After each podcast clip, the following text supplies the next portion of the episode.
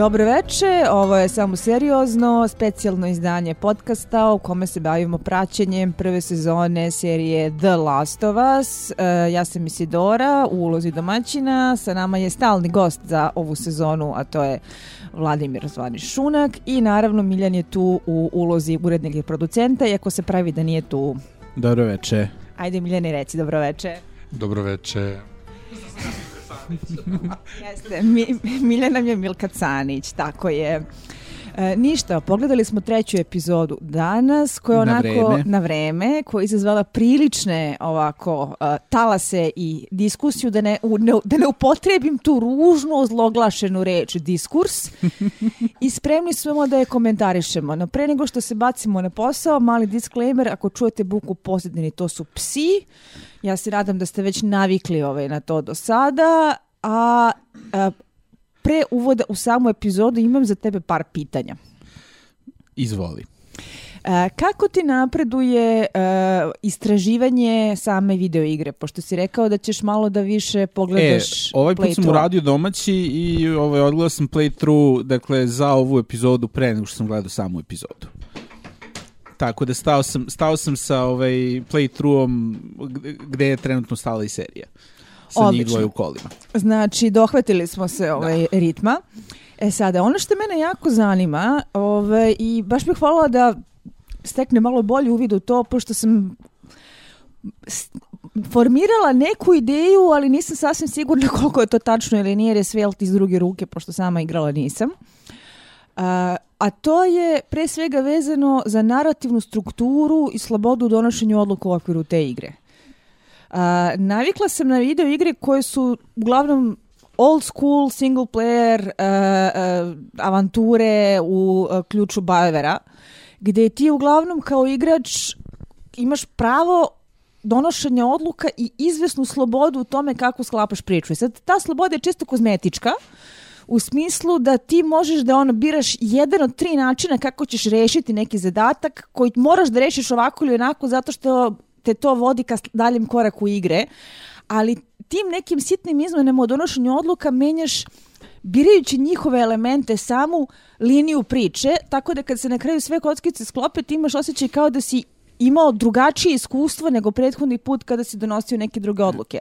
I ta sloboda, no, mnogi zovu pomalo onako stvari iluzije, jer ti dalje moraš da igraš igru onako kako igra napisana i kuda se ona kreće, ali svejedno možeš da od elemenata koje ti oni nude e, sklapaš sopstvenu priču i tumačiš je onako da je tebi svojstvena i drugačija. Kako to funkcioniše u The?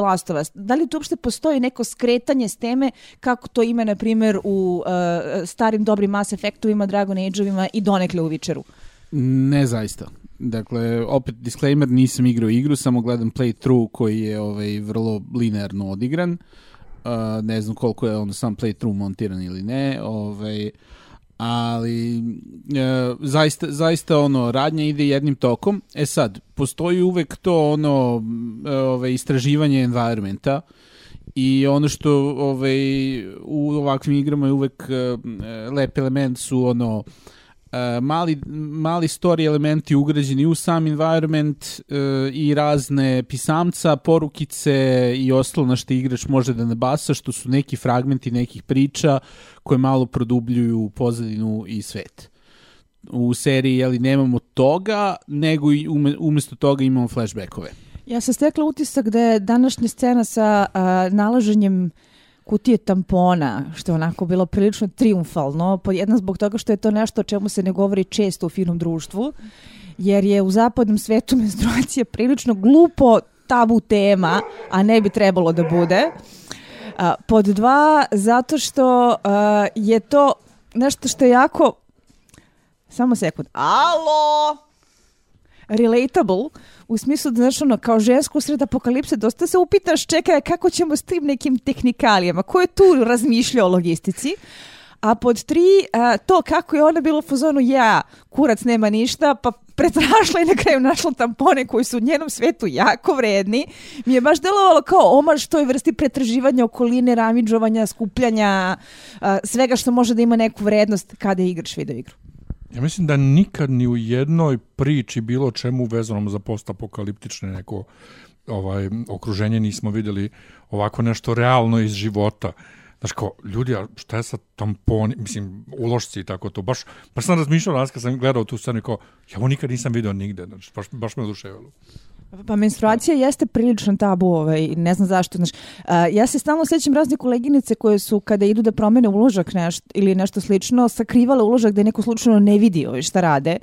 Jer kao da je to, ne znam, nekakva stremota ili koje kažu kao da ne bi mogle da traže mužu da im kupi uloške, što mi je isto neshvatljivo. Ove, a Ja sam isto iz nekog razloga kao skoro poene što sam devojci kupao uloške, meni je to Znači, delovalo kao najnormalnija Meni je bila stvar. najnormalnija stvar da to radi, da, da, da to pitam i mom mužu je bila najnormalnija stvar da mi ih kupi, ali kad sam rekla majici, kao doneće dušan, bilo je kao Pa ja sam mami od malenih nogu kupovao to, jer ono, samohrana majka, ja sam imao šest godina kad su moji prvi put razveli i uvek su mi pre rata u Bosni, dakle, pakovali u onaj papir prodavnički, ono kao, znaš, u Nemačkoj, posle kad smo bili izbeglice, normalno sam kao dete kupovao majici uloške u prodavnici, niko ni da trepne, ni tišta, i onda sam ovde bio šokiran u povratku, ovde ponovo to, znaš, kao, znaš, kao, to se pa, kao, zašto, nije mi jasno, znaš, do, dobra poenta jako. Mistifikacija toga mi je neshvatljiva. Ja se sjećam, uh, gledao Ne, ja si se originalni Berserker, tako? Da, da, da, da. I e, kad sam ja to gledala prvi put pre tačno 20 godina ove godine, ima ta Ja takođe. neverovatna scena kada, pa mislim da je to godina kada su ti diskovi kružili Beogradom i kada je ceo naš krug nekako neizbežno stigao do svog primjerka. Ima scena kada u jednoj od bitaka koje vode Kaska, jedna od glavnih junakinja, koja je e, ratnica i komandant, zasere stvar zato što ne samo što je dobila pred bitku, nego još ima i menstrualne bolove, sa čim se takođe neverovatno identifikujem kao neko ko zna da mora da otpiše četiri dana nedeljno. Tako da ovaj, vidite da je to priznato, uv, ono, uvaženo i da je čak bitno za samu radnju nečega je meni bilo kao, e, čekaj, ovo može i ovako. Tako da njima svaka čast što su danas ubacili te tampone, znači, bez veze možda zvuči, ali nije loše to vidjeti. Ne, ja sam se setio scene iz Beforeigners-a sa Mahovinom, jeli? ima, da, ima i makovine svakako. Jebi ga, viking žene su radile nešto, valjda. Viking žene su radile nešto, mislim, a, znaš, a, postavlja se pitanje šta su radile naše bake koje takođe ne vole mnogo da pričaju na tu temu. Šta se uopšte radilo pre nego što su tamponi postali tako lako dostupna roba? Kako su se prokrvavale te neprijatne ovaj, krvave krpe i kako je to u suštini da tako pitanje do apokalipsi kada nađeš na kutiju tampona, ono je prilično blago. Ja. No, ove, dakle, e, poenta Ok. jeste, što se Mm. playthrougha tiče, vratimo se na Što temu. se playthrougha tiče, dakle, e, ja sam ono, očekivao svašta, ovo što smo dobili nisam očekivao. E, Gle čuda, u igri je ovaj, to dosta akciona sekvenca, gde oni stižu kod gospodina Bila u njegov gradić, izbegavajući zombije, pa onda zajedno idu u drugi deo grada da ovaj po, e, nađu akumulator u delu grada gde još uvek ima zombija i tako se jurcaju sa zombijima ovaj, i na kraju nađu nesretnog mrtvog Frenka. Komentar koji sam ja čula na prve dve epizode serije jeste da su se neki ljudi želili da im je pomalo mrtva i dosadna, jer kao nije isto kada si ti u direktnoj interakciji sa sredinom, kada ti zapravo moraš da uh, prolaziš kroz ta okruženje, ubijaš zombije i aktivno se baviš procesuiranjem situacije ili kada kao samo treba da pasivno pratiš priču i kao da im je ovo mnogo manje zanimljivo. Uh, men, meni nije problem, problem koji ja imam sa tom vrstom igara što kao koliko god se trude da budu realistične i dalje su nekako gamey kao postoji, postoji ono takozvana ludonarativna disonanca a to je razlika između priče i sa, e, ovaj, samog gameplaya e, gde ovaj, zbog, zbog radi akcije u igri ima mnogo više protivnika, mnogo više zombija, e, mnogo više šunjanja pa vamte pa tamte, ovaj, gde na kraju krajeva svaki lik iz video igre je po bilo kakvim ono realističnim standardima ono mega ubica iz dimenzije X sa ono body countom u stotinama, bilo zombija, bilo živih ljudi a kao znamo da u realnom, u, životu, u realnom životu tako to jednostavno ne ide. Kao, možeš ti da budeš obučen koliko god, ali svaka borba na život i smrt ima šansu ovaj, da, da krene naopako o, i kao pre ili kasnije ponesne ti sreće. A u videoigrama uvek postoji ono reload, pa idemo ponovo. A, misliš da ova vrsta realizma, manje zombije, manje protivnika, više a, atmosfere, više realizma, doprinosi cijeloj priči? Meni da. Me, a, ali opet, kao ra, razlika između toga što ja gledam playthrough umesto da igram samu igru, ali opet to Ona je je problem... beše Sony Exclusive, je li tako? Jeste. Uh, ove, ja sam ono PC Master Race uvek bio. Uh, ali recimo meni to smeta i u igrama koje jesam igrao. Ove, a, ako, ako ne postoji ono unutar same igre ne, neko objašnjenje za to kao svestan sam kao da postoji razlika između ono gameplaya i, i realizma. E, dobro, znači dobro sam shvatila kada se igra u suštini sastoji od cut scena koje idu, kako idu bez mogućnosti igrača da utiče na njih i koje voze priču i prostora između cut scene koje ti popunjavaš tako što preveslavaš likova od tačke A do tačke B gde se baviš istraživanjem okoline, otkrivanjem detalja, foridžovanjem, skupljanjem zaliha, ubijanjem neprotivnika i tako dalje. Ti si tako. tu zapravo da odradiš mehaniku priče koja vozi onako kako je zacrtala bez ikakvog tvog uticaja, bez čak i kozmetičkih odluka. Tako je. Ovaj priče uh, ono što je nastao problem u drugoj igri, kao u prvoj igri ljudi nisu imali problem sa time, ali druga je igra koja pokušava da da podcrta ovaj e, tragičnost nasilja i ovaj humanost likova i ajde ajde da razmišljamo o svim žrtvama koje smo ubili ovaj gde Ja se ono samo sećam opet onih tekstova o psima. i psima koje smo ubili ovaj, o, opet i- mnogo je jača ta disonanca gde kao u samom gameplayu uh, ubijanje je zabavno, a onda ti priča igre govori kako je to loše. Uh, I ima puno igara koji su upravo poigravaju se time na, na ovaj zanimljiv način, ono takozvano you are the monster, ovaj, ili sram da te bude što, što si uživao u ono e, talasima krvi i ovaj, hordama, hrpama leševa koje si ostavio za sebe. Ali ovde nekako to ovaj malo nespretno urađeno po mišljime nekih, drugi opet obožavaju i drugi deo. Da, znam da je drugi deo dosta onako divizivan, da upotrebim eufemizam s obzirom da je to e, previše blag izraz da opiše na što liči internet neposredno pošto se pojavila druga igra. Pa tu, o, op- opet se nekako on učite o Culture Waru sve to. Culture War ume da se prikrade gde mu mesto nije. To smo imali prilike da i tekako naučimo iz raznih primjera, raznih franšiza. Uh, uzgred The Last of Us je upravo obnovljen za drugu sezonu, što Jej. znači da ćemo se možda upustiti u drugu igru, ne znam kako će to sad već da ide. Pa pretpostavljam da je to bio plan od početka. A oni, mm, ono, sigurno će nastaviti priču i nakon druge igre, tako da vidjet ćemo šta će pre. Uh, Obzirom koliko vremena je potrebno da se proizvede u današnje vreme AAA igra tog standarda kvaliteta, Videla sam da je Naughty Dog objavio da razmišlja o radu na The Last of Us 3, što isto ima smisla, znači franšiza u principu je dobila priličan boost od ovoga.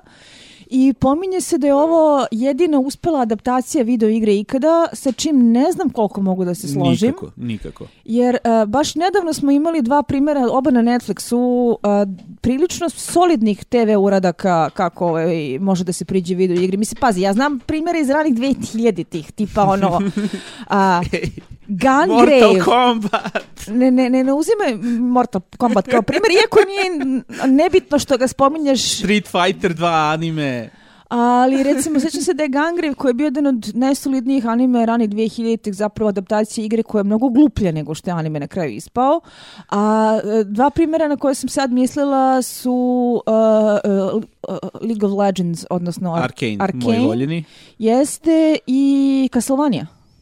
Da, ovaj, Castlevania tako... e, ja se nisam primio na Castlevania, Ja se nisam primila uopšte, nisam odmakla dalje druge epizode, ali opet znam ono- da važi za solidnu adaptaciju igre. Uh, jeste, ono što sam ja primetio gledajući Castlevania, a gledao sam je donekle, jeste da su dijalozi i voice acting onako za 10 do 15% bolji nego što materijal to sam po sebi zavređuje. Sad, sad sam uvredio fanove, ali...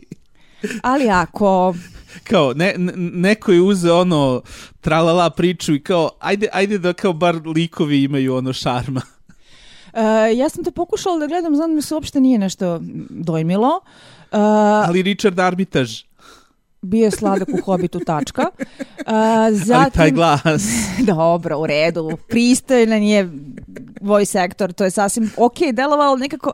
Arkane mi je bio malo, ne Arkane, nego ove, Castlevania mi je malo bila mnogo pravolinijski naivna, koristila je sve neke kliše koji su meni pomalo Mislim, mnogo sam... Da, matori smo i gledali smo previše anime. previše anime. Baš to sam imala osjećaj kao, kontam ja da je ovo okej, okay, ali mnogo više nije za mene.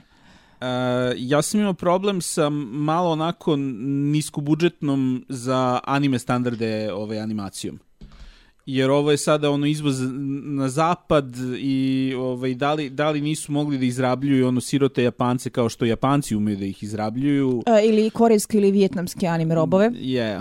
Ovaj, ali, ali fali mu ta, taj malo flair, ono, kao kad, kad pogledam uh, anime od uh, japanskih studija i Netflixove anime kao e, liči, ali nije to to, kao fali mu tih ono dodatnih 5% ovaj, preterivanja.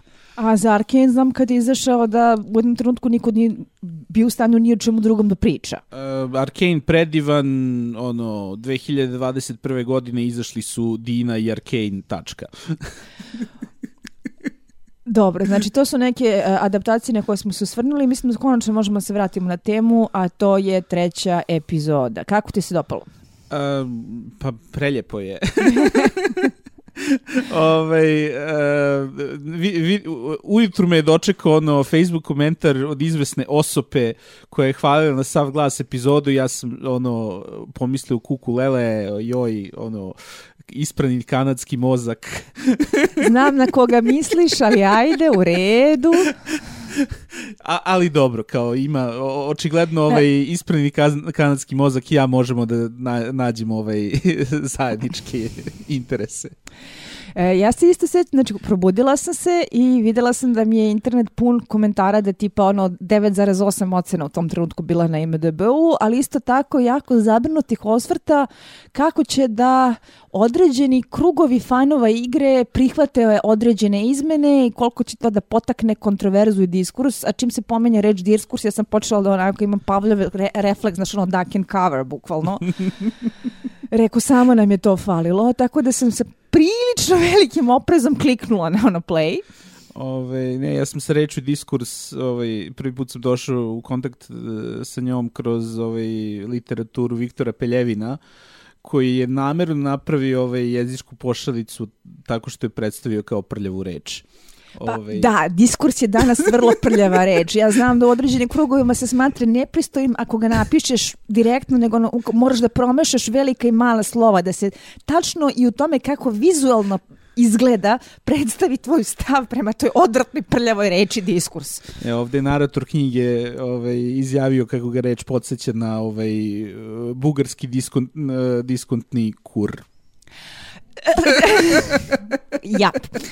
Dakle, Ček bre, kako na bugarskom se kaže ćurka? Ne Ona znam, stvar. Ovaj. Da, da, da, ćurka, to je glavno. Ako, mislim, ja ne znam šta, za vas, ali ja kad šta idem, zna Rus, šta je ja bugarski, idem, šta je srpski? ja kad idem u Bugarsku, ja nikad ne pričam ovaj engleski, jer ono, kao što bi s Bugarima pričam engleski, ja sam saznao ni pošto ćurku da tražiš, ćurka je ono, da. Ja se mogu složiti da je diskurs prljava reč, ali vidjet ćemo koliko je diskurs zapravo zagarantovan posle ove epizode, jer na osnovu prvih reakcija meni deluje kao da se ono, svima harmonično svidelo. Mm, da. Evo, ja se osjećam nedovoljno bradato za ovu epizodu. Dobro, Biljan je tu da nam popravlja prosek sa bradom. Meni se jako dopao uvod, moram da kažem. A to je ona a, duga šetnja prirodom kada ove imamo a, pejzažnu pornavu a, divljenja Jeste, no. američkim nacionalnim parkovima i istočne obale. Lepe painting je srušenih aviona. A, e, dopala mi se priča o tome kako izgleda poslednji dan normalnosti. Uh, jer ne samo što se u tom dijalogu uh, Joel malo onako otopio prema Eli, koja se dalje ponaša kao najgore derište, ali pokazuje neku svoju uh, razigranu stranu i pokazuje da i tekako njoj stalo da e, ima neko ko će da brine o njoj i ko će da objašnjava kako je svet izgledao. U, u odnosu na igru moram da primetim da je ona mnogo više derište, ali kapiram da opet ovaj, igrači to ne bi trpeli. Ove, mislim da ovde ono fiktivni Joel ove... mora da jede govne čuti, a da bi igrači ono ostavili na prvoj banderi, jasno. Ne, ne, ne, ne, dali bi ono negativne ocene za Boga. Ove, e, posto, postoji umeće pravljenja tih likova koje moraš da ono maziš, paziš, čuvaš, ovaj moraju odmah da ti prirastu za srce, ne smeju ne, ne, ne smeš imaš taj da period da bondovanja, da, da, da, da, kao što ovde imaš. Da, znači moraju da odmah budu kao baby Yoda kad se podigne ono na kolevči, kolevci da ovaj, ti vidiš odmah preslatkog vanzemaljca koji mrda ušicama ima one ogromne okice pune ove, ljubavi i radoznalosti. Znači, A, ne, e, to je zato što kroz istoriju video igara zna se da je najveći horor bio takozvana escort misija, kada moraš nekoga da, da sprovodiš negde i da, da je to uvek izazivalo ono bes i frustracije, jer obično ti NPC-evi hodaju ili previše brzo ili previše sporo i ovaj, ono, čurko, pokušavam da te zaštitim od zombija, ti uvek ono, upadaš gde ne treba i tako. Jasno. Ove, e, da se vratimo na priču, znači meni je prilično bilo zanimljivo kako razgovaraju o a, nekim banalnostima savremenog sveta kao što se avioni ili kasnije kad se ono sablažnjava, kad sede prvi put u kolape oduševljena, ali ne zna čemu služi pojas. I a, a, ima nečeg jezivog u opisu poslednjih dana normalnosti, kako je sve krenulo i kojom brzinom se sve raspalo i kojom brzinom si shvatio da živiš u apokalipsi.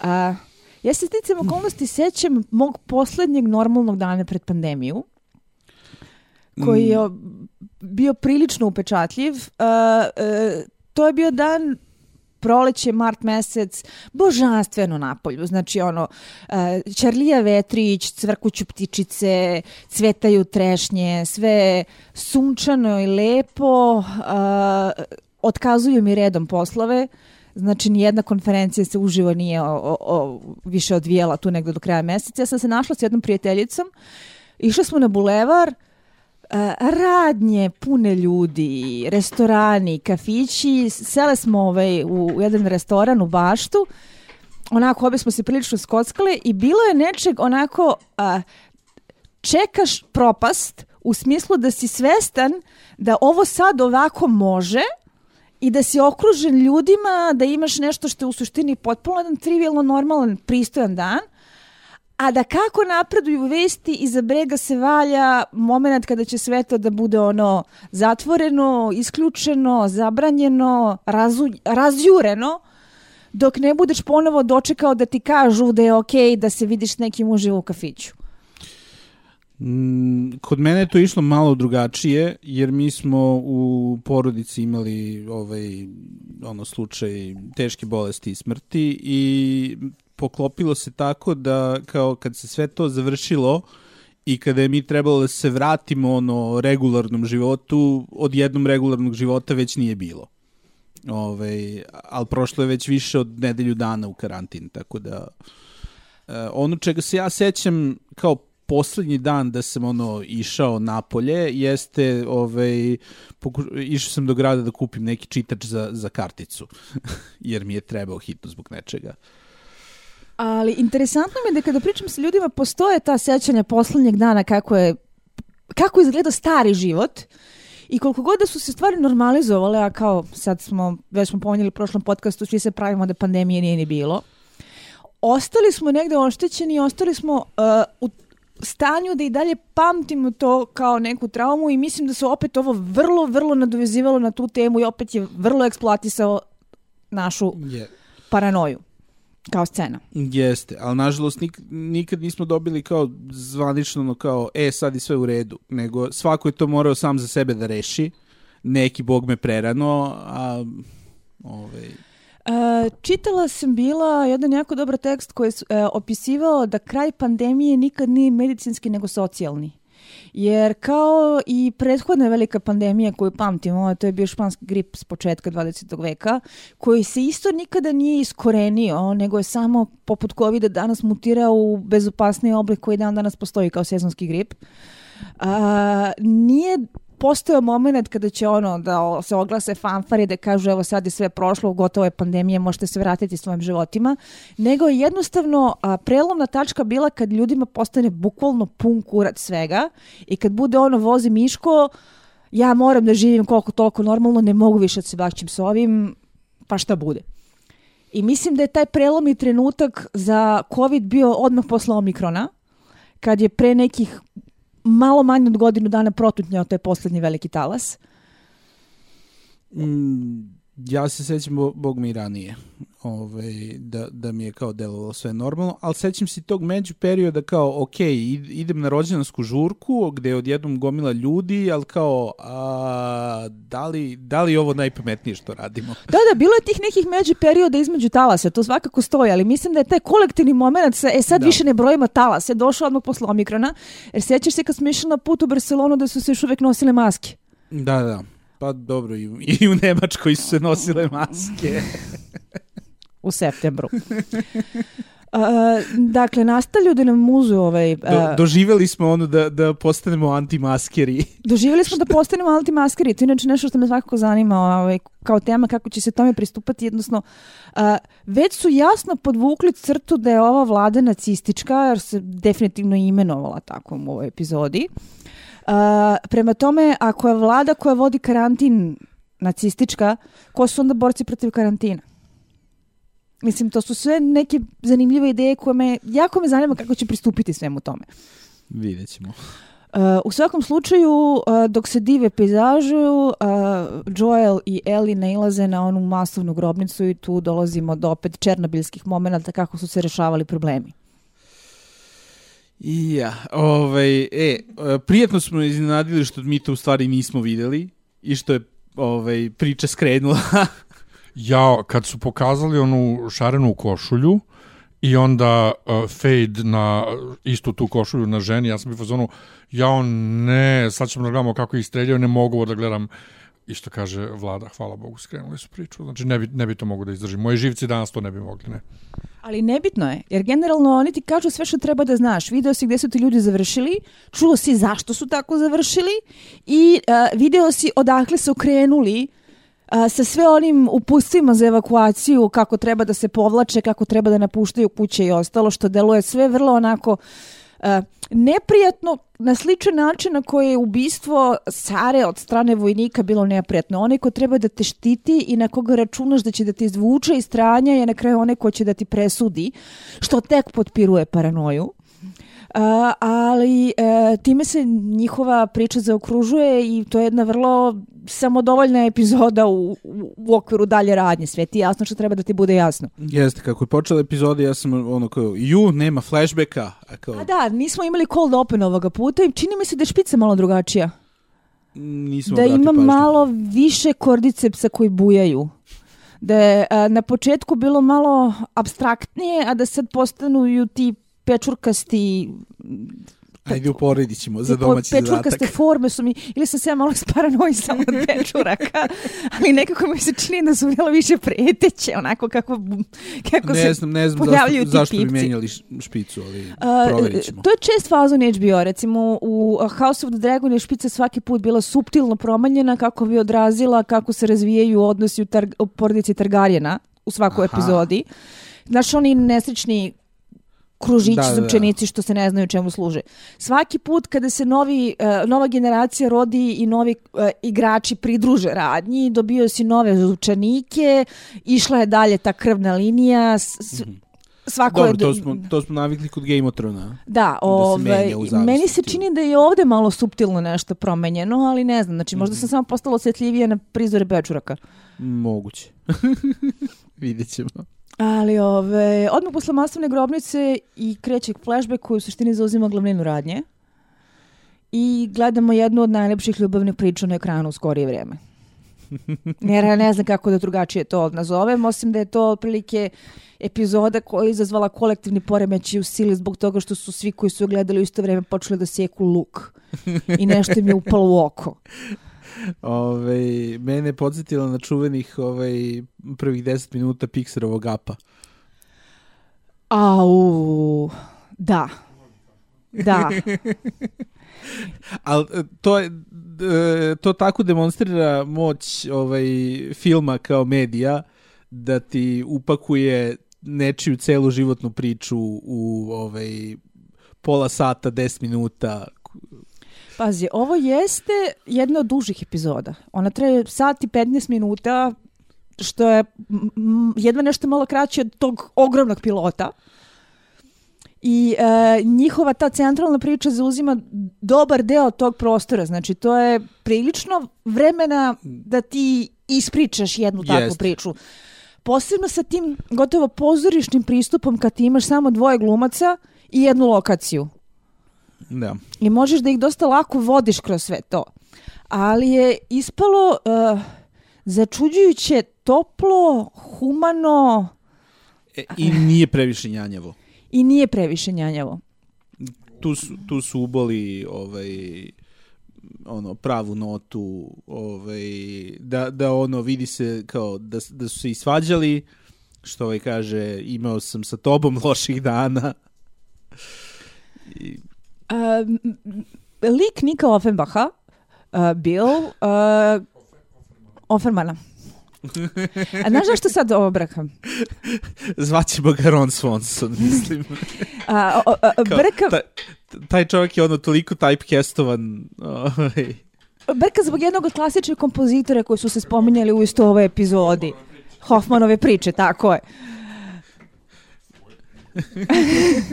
e, Hoffmanove priče su skroz okej. To je bila omiljena opera moje majke, ali o Franki reagovao sa fuj, što je ja bilo sam baš to jednom onako slušao kao... zapravo baš onako je bilo kao okej. Ali Niko Offerman, ja recimo njega ne znam kao Rona Swansona, ja sam njega gledala samo pa znaš u... ga iz mimova Znam ga iz mimova, znam ga iz Pa Devs i znam ga od svih stvari iz uh, Pam i Tommy. Au gde igra jedno, mislim, to je serija koja se uglavnom danas pamti zbog, da prostiš ogromnog protetičkog pimpeka koji nosi Sebastian Stan u koji u nekom trenutku njihovih teških droze, halucinacija drži monolog sa sve vrhom koji se mrda kao usta. ok, ja što to je nisam prizor koji ti se gledao ureže u pamćenje. Miljan dosoljava da mora da gleda. morat ću i ja očigledno Ove, ali Offerman tu igra jednu onako prilično ljigavu ulogu gde je bolno ubedljiv. O, I meni je, znači, iz te dve uloge bio negde najpečetljiviji i ovo je baš razvalio koliko uspeva da igra nekoga koji istovremeno i jako hardcore u smislu jebeni preper i e, desničar i teoretičar zavere i ima onaj divan trenutak kada mu ove kaže ti si žive u svetu gde je na 11. septembar i, i neko iza, uradio iznutra, u vladi su sve nacisti, ali u vladi jesu nacisti. Kao, da, sada, ali ne onda. I u suštini figura koja deluje kao e, pomalo posprtni pogled na e, određene džepove američke desnice. E, a, ovo ću morati da izbunarim, pošto nisam stigao da, da odslušam i oficijalni podcast. Da li je ovaj e, lik Franka u igri inspirisan njime ili su ovo ovaj do- doživeli kao ono kao e moramo da kastujemo ovog čoveka nema koga drugog. ovaj Ili Bill. A, Bill. A, Bill, da. Ovaj, je, jer ono kao e, bradati ovaj preper.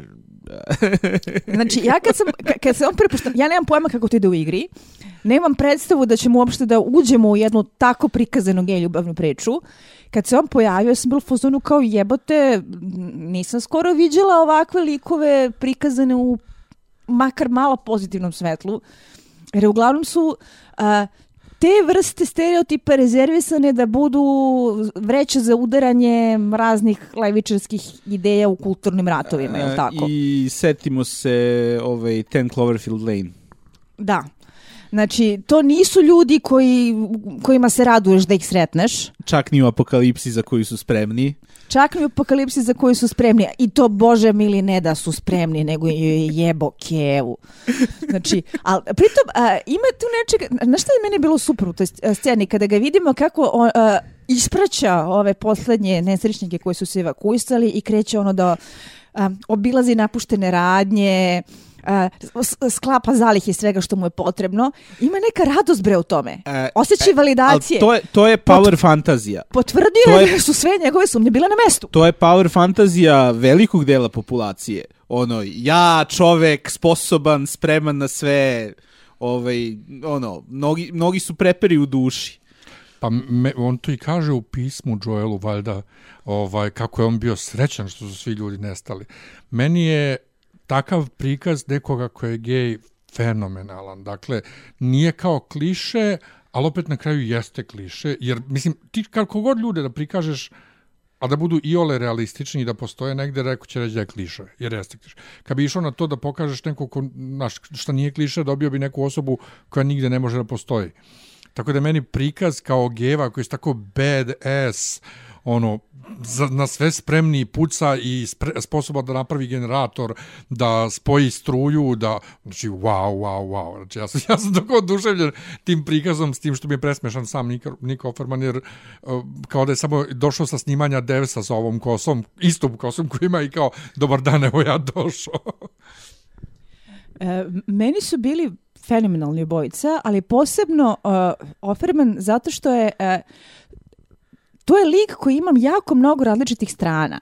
I tu uh, paranoično teorijsku zavere, teorija zavere prepersku stranu i nekoga ko je očigledno u stanju da sluša Lindu Ronstadt i da svira klavir i peva, ono, mogu da ga zamislim kako je prati s pažnjom šta se dešava među brodvijskim muziklima i da upari pravo vino sa zečetinom koji spremi na nivou restorana, ali isto tako da ima ono pun zjebeni zid oružja u svim oblicima dok se sprema za apokalipsu i da je u stanju da sklapa razne one zamke gde se ludo zabavlja ko će da mu zamku padne. Ove, ali na, nadam se da si svesna ko, koliko ljudi upravo zamišlja sebe naravno, kao naravno. Ono, taj lik. Naravno, i zato je negde fenomenalno je... koliko se on uh, otvara kada prvi put na pravi način pusti drugo ljudsko biće u svoj život. Koliko je ranjiv, koliko deluje, mislim sada, uh, uh, možda čudan izraz da se upotrebi za nekoga ko je uh, bradati sredovečni čika, ali koliko je uh, uh, čisti nevin u nekim scenama, u smislu nekoga ko prvi put sebi dozvoljava da se osjeća na određeni način.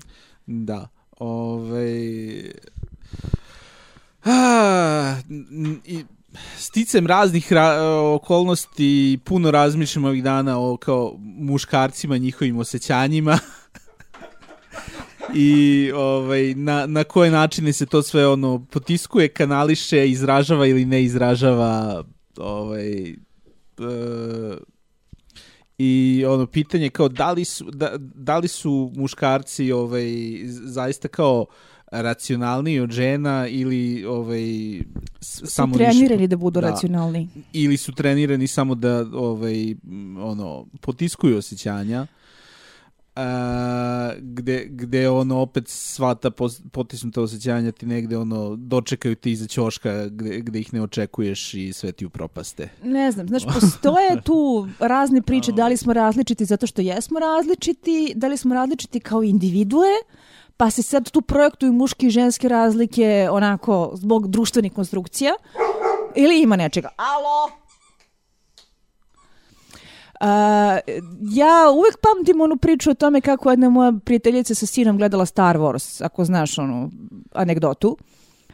Uh, mali je u tom trenutku imao nekih 7-8 godina, gledali su prvi put Star Wars, on je veliki Star Wars fan, veliki geek, uh, Bog zna koliko investira na, u priču, posebno originalnu trilogiju.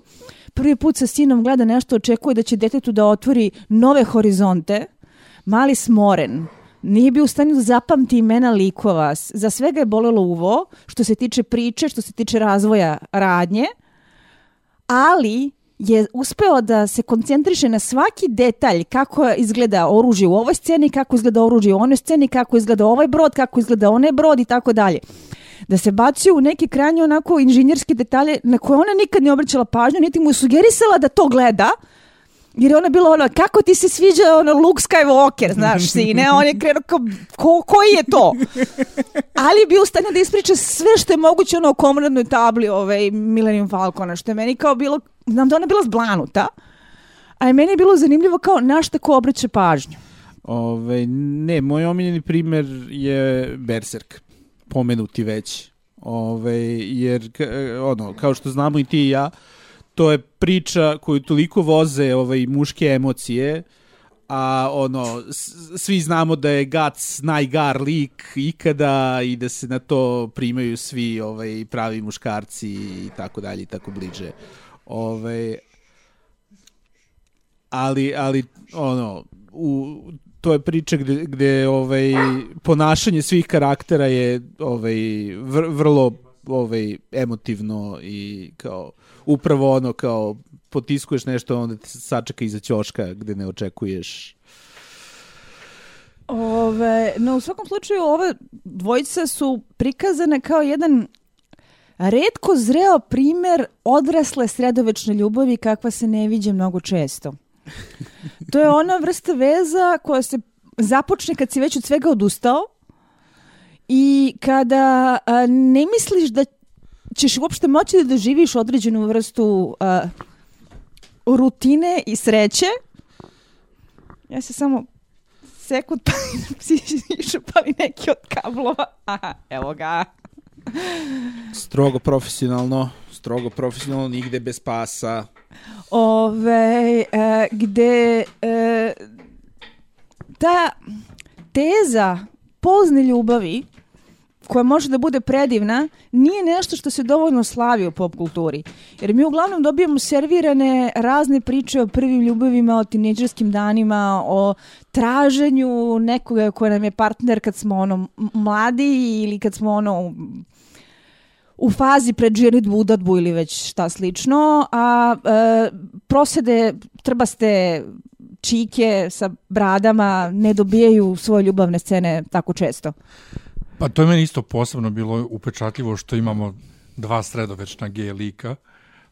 To, ne znam da li, sigurno, ima sigurno negde, ali baš je, baš je fenomenalno prikazano. Što ti kažeš, ta zrelost njihove, njihove veze kao dva odrasla čoveka, nego apropo ovo prve ljubavi, ovo, negdje sam skoro da li pročitao, da li video, video, da nešto, nemoj da budeš ljubomoran na to, ne znam, fazon što nisi njena prva ljubav, budi srećan što si joj ti poslednja.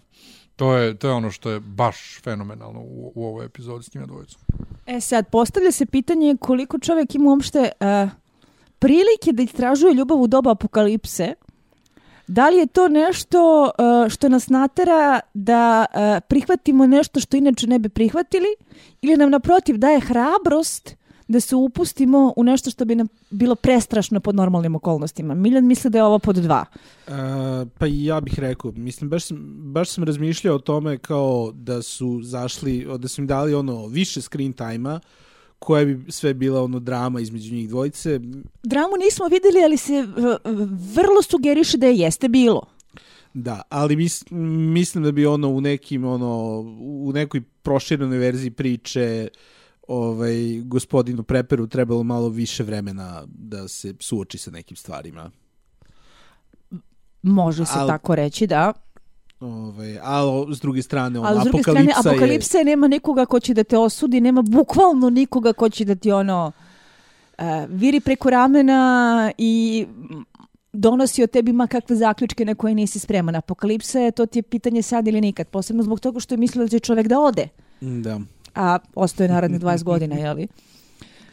Uh, koliko je to drugačije u odnosu na priču iz igre koja je znatno ciničnija, ako se ne varam? A, jeste. U igri zatičemo ovaj, tužnog, ciničnog Bila ko, koji ovaj, Kenja Joelu zašto, zašto se ono vezivati iza koga, zašto pokušavaš da spasiš dete, u ovom svetu svako je sam za sebe, da bi našli na, na, kasnije ovaj Franka koji ga je napustio, jer više nije mogu da podnese ovaj, to da su njih dvojica praktično sami u njihovom gradiću ovaj, i kao pokušaju da pobegne i ovaj, inficirali ga zombiji.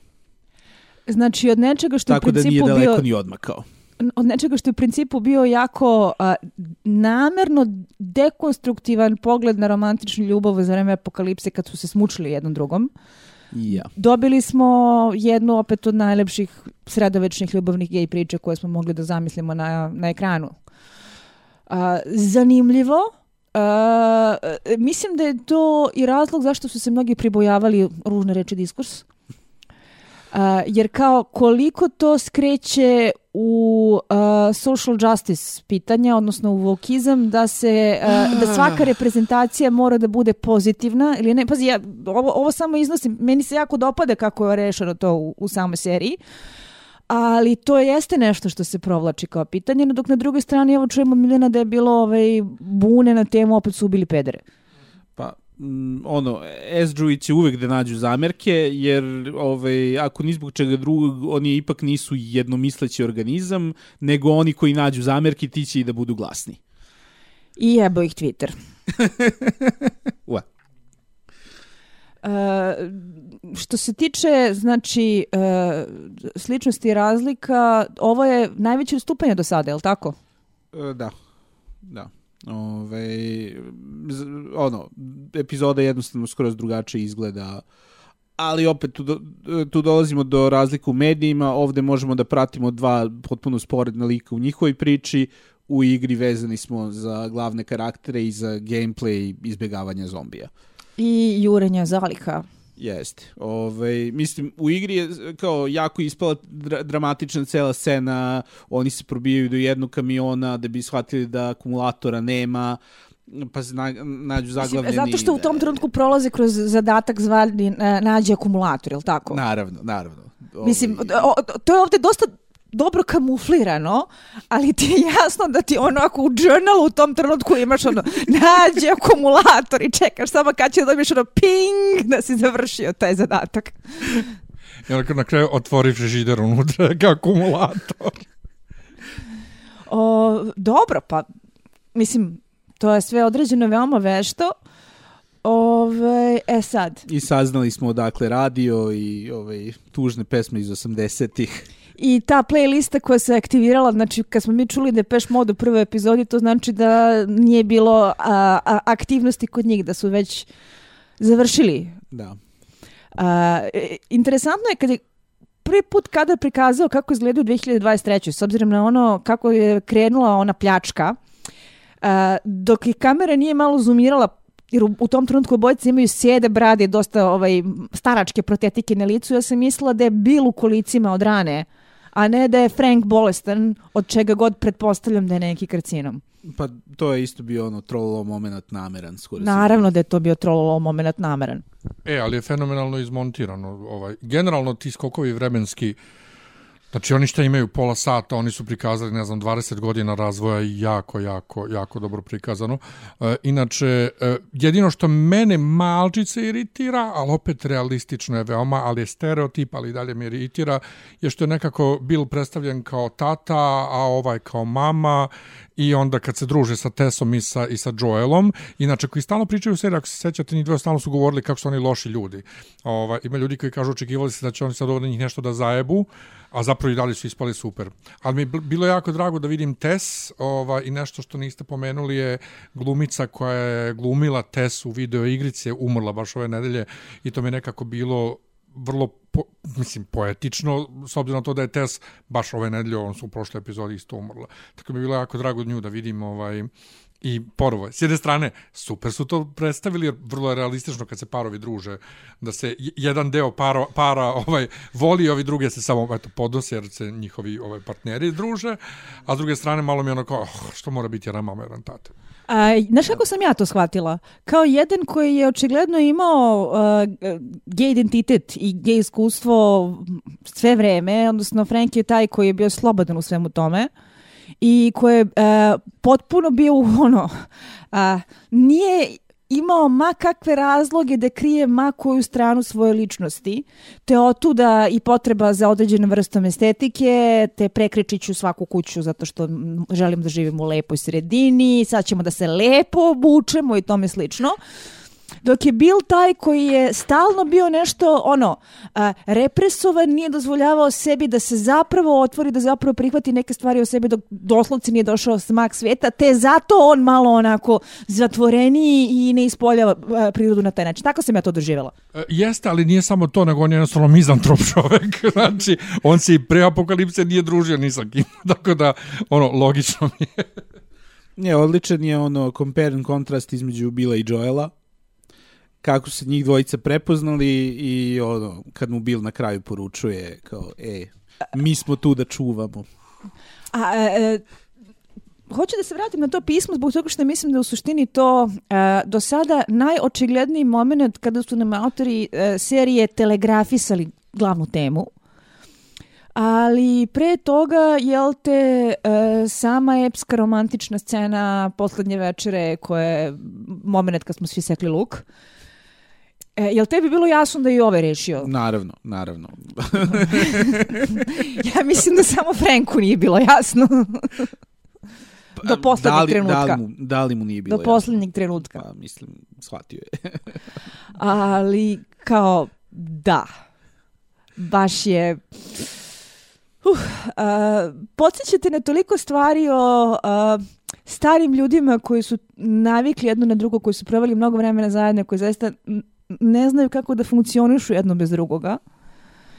Uh, neke slične, mislim slične, naravno, ni blizu toliko drastične i mračne, ali priče o starim bračnim parovima gde ono, jedan premine, a drugi vrlo brzo ili takođe premine ili digne ruku na sebe. Ne. A kako je kada posle proživljavanja 20 godina takve veze ti ostaneš ponovo sam dok je napolju kraj, kraj sveta? Ne, nema dalje.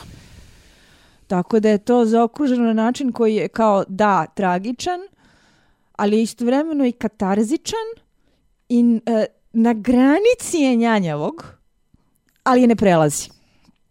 Dobro, možemo da postavimo pitanje koliko je to realistično, jer e, koliko ja znam, problem sa raznim ovaj, eutanazijama i slično je što većina ljudi ovaj, na kraju nisu spremni na to ove, kao pl planiraju, ali, ali onda ipak ne. Ipak se kao dr drže ono do, do samog kraja. Ove, o... Jej, kakva tema. da, opće veselje. Ali dobro, ovaj, nije, ono, nije, nije, nije potpuno ono nerealistično. Nije potpuno nerealistično. Mislim, ja sam se konkretno set, uh, setila jednog slučaja o kome sam mnogo pisalo prošle godine. Ove, gde je uh, žena bila obolela od jako teškog oblika neizlečivog karcinoma. Muž joj je pomogao da se samoubije. I planirao je da i on sve završi, međutim hteo da završi još neke poslove za decu dok pre nego što i on ode na taj poslednji uh, korak ali su ga pronašli i uhapsili i krenulo je uh, suđenje za ubistvo. No. I da je to onako vrlo a, a, komplikovana priča, gde on čovek tipa ima 86-7 godina, a, deca koja su gledala kako majka izgleda su sve vreme bila na njegovoj strani u smislu da nije on uradio ništa protiv njenim željama, nije uradio ništa pogrešno. On je bio u intervju u tom jednom trebalo da to uradim odmah, nije trebalo da se odugovlači, ali je baš onako bila jedna uh, prilično mesi situacija koja je vrlo onako ostrašćeno vojila razne i tabloide i novine u Guardian je bio pun te priče, posebno zato što se sve to dešavalo u Grčkoj, jer je ona želela da umre u Grčkoj zato što su tamo išli na neko romantično putovanje, a grčke vlasti su poprilično nemilosrdne kada je sve to u pitanju, tako da ni Engleska nije mogla ga čupa. Mm. Ne, ne, to su ozbiljna pitanja i ilustruje baš ono problem koji imao kao društvo, a to je ovaj, e, negiranje smrti i pravlje, pravimo se kao da se to možda neće desiti ono, do, meni se zato i dopada što je to tako dostojanstveno određeno u seriji. Da. I mislim da je a, odluka da ne vidimo tela, gde čak on i kaže u pismu ovaj, nemojte ulaziti u spavaću sobu zato što prizor neće biti baš veseo. Dok na kraju imamo samo one zavese koje lelujaju i koje sve ti jasno, ali ništa ne vidiš. Mislim da je to opet odluka koja jako poštuje dostojanstvo te, uh, toga što su oni uradili, tog njihovog mm. poslednjeg čina. Tako da kad se sve zaokruže, znači priča koja ne možeš baš da te ostaje ravnodušnim. Da. Ove, e, I jako mi se dopada što, što ono, u generalno u seriji koja bi trebalo da se bavi ovaj, zombijima, apokalipsom. I... Ovde smo imali koliko? Jednog? Onog pod ciglama. Dobijamo gomilu nekih ono kao spornih ljudskih priča. Ovaj, meni, meni je to negde jako drago da vidim. E, I... Da li iko želi da gleda još jednu priču o milion zombija na sve strane? E, pa... Na jednoj strani to, se, to je baš ono po čemu se The Last of Us izdvaja, pošto ovo uopšte nije o zombijima. Uh, ima tih jako dubokih ljudskih momenta koji nisu vezani samo za ovo u ovoj epizodi. Recimo, meni je jedan od, jedna od rečenica od koje se najažiš kada u prošlom cold openu naučnica kaže vodite me kući, hoću da budem s porodicom. I sve ti je jasno šta, šta stoji iza te rečenice. Pa stoji ono prethodno što kaže bacajte bombe, bacajte bombe na ovaj grad, pobite na sve. Kao, uh, ok. Ali, a, hoću da kažem da kao e, i u tome kako je drhti ruka i u tome šta izgovara ti vidiš da je to jedan ono kao jedan ceo život i mirenje sa sudbinom koja, koja je neizbežna. Tako ovde imamo opet jednu vrlo zaokruženu ljudsku priču i na sve to ono jednog zombija koji ušeta u ono bubi trap i jednog zombija koji je bio pod ciglama. Zašto je te zombije bio pod ciglama? Ne znam, ali je bilo interesantno i ilustrativno za Eli kako ga je bez problema bockala. Yes, I seckala. Oče, očekuješ da će da bude neki jump scare, nešto, nešto, ali... Da, da. Ove, I uh, zapravo serija za sada ima jako malo akcije. Što da. bih ja rekla da je vrlina. Ne znam koliko će se svako složiti. Uh, pretpostavljam da neće. Uh, pretpostavljam da je upravo u tome i poenta adaptacije kad ti akciju imaš u interaktivnom obliku u video igri kao neko ko je akcioni heroj u tom trenutku makar sedao za tastaturom, ali ti si taj koji radi sve to, ko kad te zombije i fedra specijalce i svašta nešto da bi obavio zadatak i našo jebeni akumulator. Uh, Uh, ovde je to nebitno, ovde se mi mnogo više bavimo atmosferom i mislim da je to glavni adut što ga izdvaja iz mora uh, zombi hiperprodukcije koja je sad prilično preplavila tržište. Vidjet ćemo kako će to dalje ići, će li se držati ovog tona, ja pretpostavljam da hoće. E, a ja baš dugo vremena nisam gledao ništa zombijasto osim komedija. Oh, uh, ja sam pokušala da gledam All of Us Are Dead. Uh, znam da su dosta, uh, dosta njih hvalila to kao nešto što se lako da naći na Netflixu, korejska serija. Nisam mnogo odmakla, jednostavno me nije držalo uh, da mi bude Čekaj, je li to ono što su nam pisali u Facebook komentaru? E, to je ono što su nam pisali u Facebook komentaru. Znači kao Uh, super je to ko voli tu vrstu pristupa, meni jednostavno kao nije imalo udicu, možda nisam bila raspoložena, ali baš mi nije leglo i nisam odmakla dalje od recimo 15 minuta prve epizode. A pre toga je ga. Koreanci su imali nekoliko dobrih zombi uredaka koje ja nisam gledao. Train to Busan i prikvili i sikvili su svi jako dobri. E. Ali Train to Busan ti je opet ljudska drama gde su zombi u pozadini. Iako su zombi vrlo prisutni. Znači, a, a, mislim da se The Last of Us izdvoje po tome što su zombi, a, odnosno gljivari, nešto što je tu a, samo kao element apokalipse. A, ti nemaš te scene ono kad ti bežiš preko polja, jurite 300 milijardi gladnih zombija sa brains i ostalo. Ove, nego a, je to nešto što je kao pomalo prirodna pretnja kao nešto što je uh, elementarni deo sveta, što je postalo absorbovan u taj svet. Ne znam li ima smisla ovo što govorim. Da, ima. A, ne, znači, e, vrlo su drugačiji od klasičnih zombija. Pa, mm, ok, drugačiji su ono, u, u toliko su kao ono, our zombies are different, imamo ra, različite vrste game i zombija. Ne, ne, ne, ali... ne, ne mislim po tome, mislim po feelingu. Pa nisam, nisam siguran koliko su različiti po feelingu. Mislim, ok, razlikuje se serija, baš, baš ono zbog struktura, zbog to na što obraća pažnju i... Ovo mi je više apokalipsa sa zombijima, a ne Zombi, zombi apokalipsa. Zombi apokalipsa, upravo to. Mm, ok, fair enough. Ove, I na kraju imamo pismo koje nam bukvalno ono nacrta glavnu temu. Da. A to je... Ali dobro, pazi, to je, to je ono glavna tema iz perspektive lika. Glavna tema iz perspektive lika i tekako, ali kao, znači, potpuno ti je jasno da kada se kasnije događaje budu odvijeli na isti linearan način na koji se odvijaju u igri bez mogućnosti tvoje intervencije, ti ćeš imati ovaj, uh, i te kakve flashbackove na to pismo koje je onako nacrtalo priču o uh, ljubavi, o bondovanju i o uh, cijeni koju jesmo ili nismo spremni da platimo. Ili ti ono, čemu služi muškarac? Ima isto ovih youtubera koje ja pratim koji su fazonu wow i to kao da kao šta ti je zapravo svrhu apokalipse ne možeš imaš karijeru ne možeš da naprediš u društvu kao pa to kao konekcija s drugim ljudima ljubav.